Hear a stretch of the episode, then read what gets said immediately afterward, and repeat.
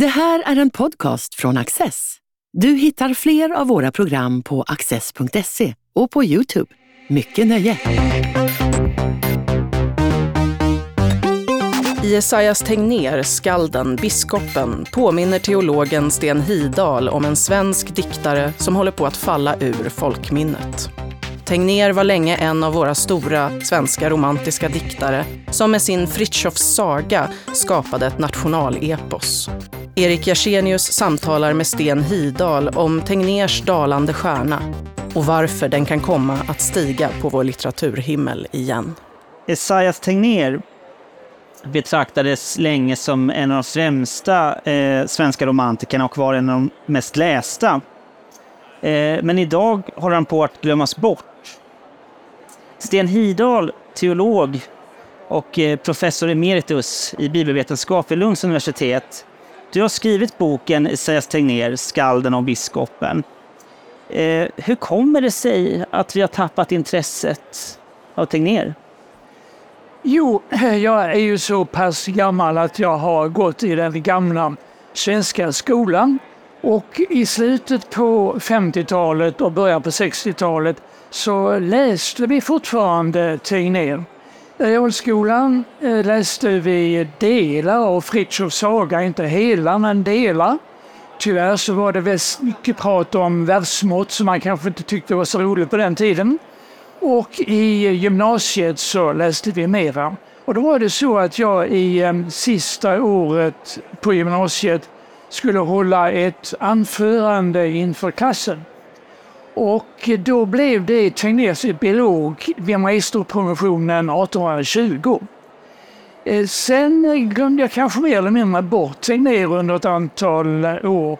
Men eh, jag blev, in, blev medlem i Tegnérsamfundet i Lund och numera är jag ordförande där och då blev det fortsatt och förstärkt intresse för Tegnér samhället i stort? Då? Eh, eh, handlar det mycket om det, att han har sorterats bort ur, ur någon slags skolkanon? Eller vad är det som gör att, eh, att, att han inte intresserar oss nu?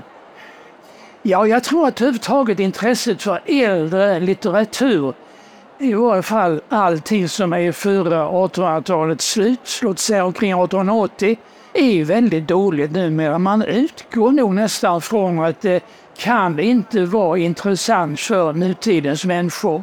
Och romantiken just har ju fått en särskild klang av något eh, passerat, något eh, lite, mm, nästan lite unket med, med, alla sina eh, färger och blommor och liknande. Och eh, då glömmer man ju också att tänka historiskt på så sätt att det var alltså den första stora tiden för svensk litteratur, alltså i början på 1800-talet det var då svensk litteratur blev känd i utlandet. Och till exempel Tegnér och Fredrika Bremer, dessa båda, blev ju lästa och eh, översatta, inte minst i Tyskland. Ja. Eh, har det också att göra med det här att Tegnér, han skrev eh, texter som egentligen skulle läsas så att säga, i grupp. Och idag, också när vi läser dikter och så, så är det det är den personliga läsningen, att sitta på sin egen kammare. Jo, jag tror det. Vi läser alltså numera eh, poesi i synnerhet, men kanske litteratur också i allmänhet på ett annat sätt än man gjorde på den tiden. Tegnér själv säger att om man ska rätt förstå Fritjofs saga, det är det exemplet han tar, så ska man höra det och man ska höra det sjungas. Det måste tonsättas först. Och han säger till exempel eh, Bellman det duger inte till att läsa Ben, man måste höra honom. Eh, så att eh, vi är inne i en tid då vi njuter av poesi på ett annat sätt än man gjorde på den tiden. Och det försvårar också tillägnandet och förståelsen. Eh, hur kan man beskriva hans författarskap? Ja, eh, man kan väl säga så att det började att han var en ung akademiker med först ingen lön alls och så småningom en ganska dålig lön i Lund. Och eh, han märkte att man kunde tjäna lite pengar på att skriva verser till begravningar. till bröllop och vid liknande tillfällen. Alltså en stor del av Tegnérs tidiga diktning är just tillfällighetsverser. Och det sista stannade inte vid detta utan han märkte att han hade alltså en förmåga att skriva dikter, poesi. Och eh, det ena blev större än det andra och eh, det fortsatte till den verkliga kulmen som väl ändå får sägas vara Fritjofs saga som kom 1825, nu snart 200 år sedan. Men det började alltså egentligen med att en ung akademiker märkte att den egna lönen räckte inte till, jag måste tjäna lite mer pengar. Här har jag en förmåga som kan utnyttjas. På den tiden kunde man göra det. Vad, är det han, vad, är, vad var det han skrev om? Ja, han skrev alltså om eh, till exempel sina lärare i Lund när de hade gått bort, vad de betydde för honom. Där får man veta till exempel vilken filosofi som spelade en stor roll för honom. Kant, Schelling. Eh, han skrev alltså om släktingar som gifte sig, som begrovs och så vidare. Men eh, det här var alltså tillfällighetsverser som man själv inte fäste någon egentlig vikt vid. Utan det stora det kom i form av dikter som Det eviga som ju läses i tv och radio på nyårsaftonen och eh, sedan andra liknande större dikter. Just Fritjofs saga, du kan väl berätta om, om det verket? Ja, eh, där var det ju så att vikingatiden vid den här tiden blev mer och mer uppmärksammad. Man hade ju känt till vikingatiden länge. Men vid den här tiden så blev eh, sagalitteraturen från Island mera känd än den var tidigare. Och vissa eh, romantiker tog upp det här kanske lite väl mycket. En som gjorde det, det var Ling, den så kallade svenska gymnastikens fader, som skrev väldigt många dikter om vikingar och asagudarna. Eh, det här tyckte inte Tegnér om och inte heller vissa andra romantiker. Men de menade att det finns ändå en potential i den här vikingatiden. Man kan nog skapa god litteratur av den. Så att oppositionen mot missbruket av vikingatiden den kombinerades med en inspiration. Man måste kunna göra något bättre. Och så kom alltså Fritjofs saga till. Och vad, vad handlar Fritjofs saga om? Jo, det handlar om en, egentligen är han nog norrman. Alltså det sägs inte rent ut. Eh, Sverige nämns aldrig i de 24 dikterna eller romanserna som Tegnér kallade dem för. Men Uppsala nämns en gång och då är vi i alla fall i det blivande Sverige. Eh, I övrigt så framstår väl närmast eh, Fritiof som en eh, norrman som kommer i konflikt med sina tilltänkta, inte svärföräldrar för de var redan döda, men de bröder som Ingeborg hade och som han då, och som då blir alltså giftemän som det heter och måste ge tillstånd till att eh, Fritiof kan gifta sig med Ingeborg. Så det är alltså ett Romeo och Julia-drama i rätt hög grad. Men eh, det blir mycket mer än detta. Det är eh, svårt att sätta allting på den enkel formen.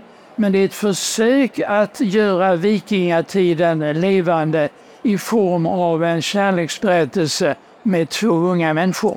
Det är också någon slags försonings historia av något slag? Ja, alltså de här har ju eh, säkerligen inte existerat i verkligheten. Alltså det är en saga helt enkelt. Den heter Fritiof den djärves saga på isländska. Och eh, vad Tegnér gör är att han bara använder vissa delar av denna och sen broderar han fritt vidare på den. Så att egentligen är det ju inte så mycket kvar av den ursprungliga sagan. Men eh, det blir alltså ett eh, drama som sen mynnar ut i en avslutande dikt. Den 24 romansen som heter Försoningen och som är, ska vi säga, den kanske ideologiskt mest intressanta. Därför att där vill Tegnér visa att det här är en förberedelse till kristendomen. Guden Balder förekommer och andra vill gärna göra honom direkt till någon slags Kristusgestalt. Men hos Tegnér så har, har han en annan roll. Det är mer att, att det här eh, hedniska arvet förebådar så att säga en, en svensk kristenhet. Ja, eller? det kan man säga. Balder spelar ju en stor roll. Det är ju så att Fritiof anses ha begått ett helgerån när han eh, mötte Ingeborg och detta skedde i, eh, i templets eh, område, i det invigda tempelområdet. Men eh, Balder är alltså inte en symbol för Kristus. Däremot kan man säga att hela den fornordiska religionen förebådar kristendomen genom att just visa på en längtan mot en religiös fullhet som eh, den hedniska religionen inte kunde svara mot. Men det finns en längtan som kristendomen kunde ta upp och göra mer av. Var det en föreställning som låg i tiden eller har det, har det äldre rötter i ett kristet förhållningssätt? Den låg i tiden. Hos den danske teologen och psalmdiktaren Grundtvig är det mycket tydligt att det är så. Men det fanns alltså olika utgestaltningar och eh, vad Tegnér gör är väl att han närmast kanske anknyter just till Grundtvig. Men han är lite försiktig när det gäller just att eh, framställa eh, Balder eller överhuvud någon av de hedniska gudarna som en förebild till Kristus. Den här eh, försoningshistorien skriver en del om. Det är inte helt givet vad det handlar om egentligen. Det är en komplex sak. Ja, det är det. Och där är det nog mycket lätt att man läser in för mycket av kristna tankar. Eh, försoning för oss eh, kan ju också ha olika innebörder, men om man läser det mot bakgrund av eh, en kristen uppfattning så blir det ju lätt att man ser ett slags, ja just kristet försoningsdrama i det hela. Och för Tegnér så betyder försoning mycket mer än det. Bara ett exempel när kronprins Oscar, den blivande Oscar den förste, gifter sig med Josefin av Leuchtenberg, den blivande drottning Josefin som ju förblev katolik hela livet och som vi faktiskt har att eh, tacka för att Sankta Eugenia kyrka byggdes, så ser han detta som en akt av försoning därför att Oscar eh, är ju son till eh, eh Jean Baptiste Bernadotte alltså den franska revolutionen kan man säga. Medan Josefin alltså kommer ifrån den eh, europeiska monarkins gamla traditioner. Och de här två olika politiska systemen förenas och blir försonade. Så det, är, det finns någon slags samtidskommentar här också, mer eller mindre? Eller hur ska vi förstå det? Ja, det kan man säga. Ja. Ja. Mm, jo, stämmer. Hur är den skriven då? Alltså, jag vet att du nämner att han helleniserar och moderniserar. Jo, Tegnér menar att de, i de nordiska sagorna, och inte bara de nordiska, även de grekiska som vi har i den grekiska mytologin, de är alldeles för råa. Eh, de passar inte in i den moderna litterära smaken, de måste anpassas. Och de måste alltså moderniseras, de måste göras njutbara för en mer upplyst tid. Och eh, det kan man göra på olika sätt, men eh, Tegnér tyckte att man kunde göra detta genom att hellenisera dem, att läsa det som om det vore ett grekiskt drama ungefär. Va? Och där ska man ju tänka på att Tegnér var ju biskop, eh, han blev biskop, men han var dessförinnan professor i grekiska. Så att han levde ju med den grekiska antika litteraturen och den läste han in på ett, får man ju säga, ganska ohistoriskt sätt i de nordiska berättelserna. Finns det också en nationalromantik här? Eller hur ska vi förstå, varför vill man skriva den här berättelsen? Ja, det finns det. Det tycker jag man kan säga. Eh, Och det är väl det som har gjort att inte kanske så mycket Fritiof Saga, men andra dikter av Tegnér, som till exempel Karl XII, har numera kommit att anses som lite grann politiskt betänkliga just för att de tycks förhärliga den svenska historien på ett sätt som är lite främmande för oss. Men där genomgår Tegnér själv en utveckling.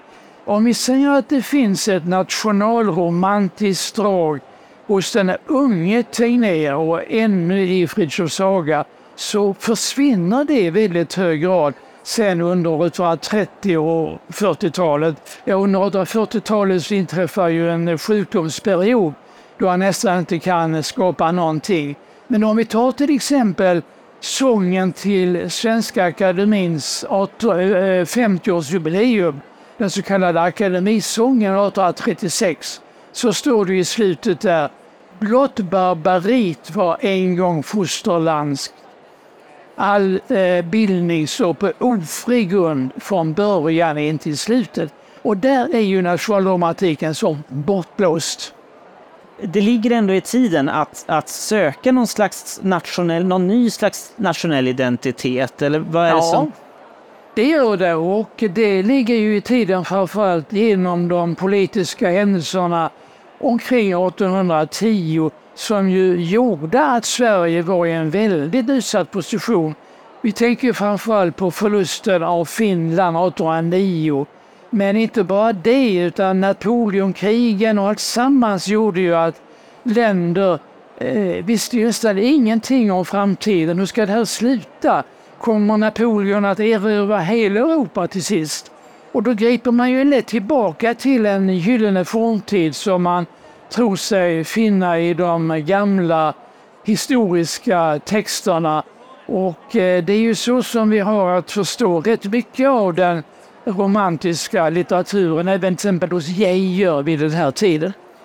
Visst är det så också att Tegnér han rör sig från sin ungdom att, från att vara mer politiskt radikal till att bli konservativare med, med tiden?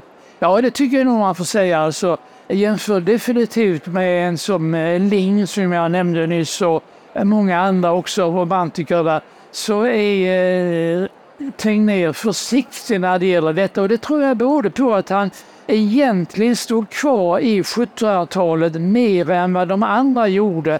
Han eh, var ju besatt av, av klarheten, han ville ha klarhet och tydlighet.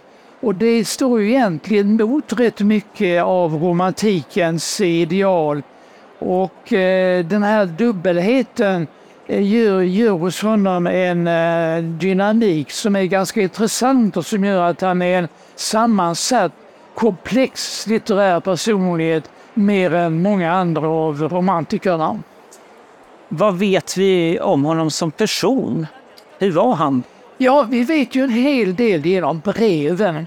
Och om jag skulle vilja lyfta fram något i hans författarskap som jag tycker är eh, lysande ännu idag så är det kanske inte så mycket dikterna utan det är breven. Alltså vi har ju gott och väl tusen brev, kanske ett par tusen rent av, i tio volymer utgivna. Och eh, där möter man verkligen personen Tegnér. Alltså där märker man breven till familjen, till sonen som läser i Lund och har dålig ekonomi och ber om pengar.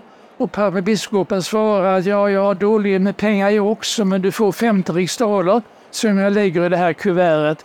Vi, vi läser ömsinta brev till hustrun när han är i riksdagen och äter goda middagar och väl har lite dåligt samvete för att hon inte kan vara med. Eh, vi möter de litterära breven till vännerna i Stockholm, biskopskollegorna. Där är det kyrkliga saker som avhandlas. Vi får alltså en eh, rik personlighet som jag tror att ingen annan svensk författare har lämnat mer än möjligen Strindberg i sina brev. Men jag skulle vilja säga att Strindberg är elakare i sina brev. Alltså, han har humor han också, men en ganska bitsk humor.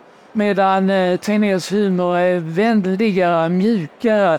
Eh, den lyser till, den kan också eh, eh, hugga till. Men då är det en rättfäktare som för vapnet och inte en som för ett slagsvärd som jag tycker nog att Strindberg gör. Eh, han var väl också en beryktad kvinnokarl, va? som inte drog sig heller för att flörta i, i kyrkan och sådär. Han var ju hög grad en kvinnokarl. Eh, och eh, där är det väl så att ehm, Ja, man vet inte egentligen vad man ska säga om det. Alltså, det är ju framförallt två stora ehm, eh, skeenden som man ska observera. Det är Martina von Schwerin under Lundaåren Hon bodde i Sireköping utanför Landskrona.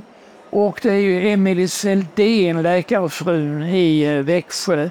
Men jag skulle tro ändå att eh, det här stannar vid ömma ord i breven eh, och inte så mycket mer egentligen. Sen så eh, vet vi ju inte vad som hände i Stockholm under alla hans resor dit och riksdagsvistelserna där. Man ska komma ihåg att eh, då biskoparna var ju självskrivna i riksdagen vid den här tiden och han har nog sammanlagt tillbragt faktiskt ett par år av sitt liv i Stockholm och inte i det lilla Växjö.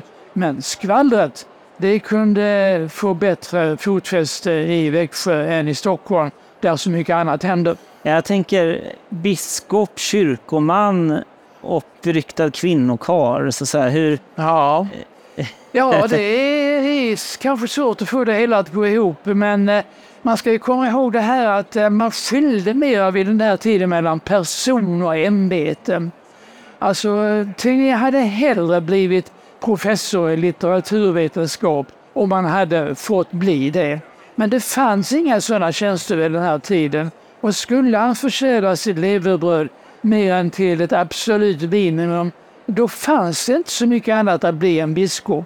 Det är ju ganska hemskt att tänka på egentligen. Svenska staten tvingade flera av sina mest begåvade eh, medborgare att bli biskopar, vilket de inte passade för. Helt enkelt för att kunna få en anständig försörjning. Hade han varit politiker hade han kunnat bli landshövding. Men det var inte det och då var det egentligen bara detta att bli biskop som fanns kvar. Varm i humorn, eh, romantisk. Han hade också melankoliska och mörka sidor. Ja, då. Så är det väl ofta med sammansatta personligheter, eh, nästan lite bipolära drag som det heter numera för som manodepressiva. Och särskilt på 1820-talets mitt är det ingen tvekan om att han kom in i en sån period. Det var då han skrev dikten Mjältsjukan som är ett eh, skakande exempel på en depression. Det kan vara en fysisk sjukdom också. Han led av gallsten. Det är nog ganska klart. Men det kan inte bara vara det utan det måste ha varit eh, depressioner också. Medan andra sidan ibland kunde blomma ut i nästan lite euforiska eh, situationer. Så att där fanns allting alltså. Och det kan man då följa i breven, ibland nästan dag för dag. Det är 200 år sedan han utnämndes till biskop. Men hur kristen var egentligen Tegnér? Ja, jag önskar att jag kunde svara på det. Och i min eh, förra bok om Tegnér, Tegnér och kristendomen så försöker jag göra detta. Men jag är rädd för att jag kommer kanske inte eh, riktigt till målet. En sak är klar, att Tegnér var kristen i så mått så att han var döpt, han var konfirmerad, han var prästvigd, han var biskopsvigd. Mer kan man liksom inte önska sig egentligen. Eh, den som eh, har blivit allt detta måste i någon mening vara kristen. Och det kan inte bara vara skådespel utan man märker, tycker jag, i både dikter och i breven att det är djupare än så. Men det fanns eh, sidor av den traditionella kristendomen som han hade svårt för och som han ibland har öppet förnekat. Det är framförallt den tidens tolkning av försoningsläran som var ganska juridiskt präglad. Och det fanns också annan, framförallt treenighetsläran som han säger att han inte alls förstår sig på. Men en sak är att inte förstå sig på det, en annan sak är att öppet för, förneka det. Och det gjorde han inte offentligt, han gjorde det aldrig i predikningar, han gjorde det inte i, i, den, i det han gav ut av trycket, utan det får man leta i breven. Men vad är det för verklighetsuppfattning och världsbild som vi möter i hans dikter? Ja, det är alltså en um, idealistisk världsbild som i väldigt mycket går tillbaka på Platon och den filosofi som fanns efter Platon. Det innebär att människor, alla människor, har av evighet funnit preexistenser hos Gud. När de föds till denna värld så blir de så att säga eh, inkarnerade, de föds in i tidsexistensen. Men när de dör så går de tillbaka till idéernas tillvaro. Eh, och om man kan säga att detta är kristet eller inte, det får var och en bedöma själv. Origenes, en av de stora kyrkofäderna, menade detsamma. Och en, en av tragiken hos, eller en del av tragiken hos Tegnér var nog att han inte satte sig mer in i den grekiska teologin hos kyrkofäderna. För där hade han känt sig hemma på ett helt annat sätt än i den lutherska dogmatik som han växte upp med och studerade och försökte förgäves att komma till rätta med. Eh, nu blåser det ju nya politiska och samhälleliga vindar. Eh, frågan kring eh, nationell identitet, nationalism som någon slags reaktion på globaliseringen pågår i Sverige och andra, andra delar i västvärlden. Kan det här vara en grogrund eh, för en omprövning av Tegnér? Kan han bli intressant igen i, i, en, i en sån samhällskontext? Ja, det skulle jag gärna vilja tro och jag önskar det definitivt. Men det finns ju en del hinder på vägen och eh, det innebär bland annat att man måste sovra i författarskapet. Det finns ju väldigt mycket, jag skulle vilja säga ändå över hälften i varje fall av dikterna är totalt ointressanta. Men om man hade kunnat ge ut en antologi av det som jag tror är hållbart så skulle det betyda mycket. Det innebär också till exempel att den allra första inledningsdikten i Fritjofs saga, Fritjof och Ingeborg, måste falla. För det är en förfärlig söt barnidyll som skrämmer bort vilken modern läsare som helst. Alltså. Det är sorgligt att denna, eh, detta diktverk ska inledas på detta bedrövliga sätt. Eh, ja, han skrev ju nästan aldrig någonting som har direkt samhällsrelevans. Men kan man, man kan fitta, finna intressanta saker i breven, men återigen alltså, där måste man då plöja igenom väldigt mycket för att hitta det intressanta. Det är annorlunda med Geijer, där kan man lätt finna det som har framtiden framför sig. Men också här gäller evangeliets ord, den som söker han finner. Varmt tack Sten Hirdal. Tack!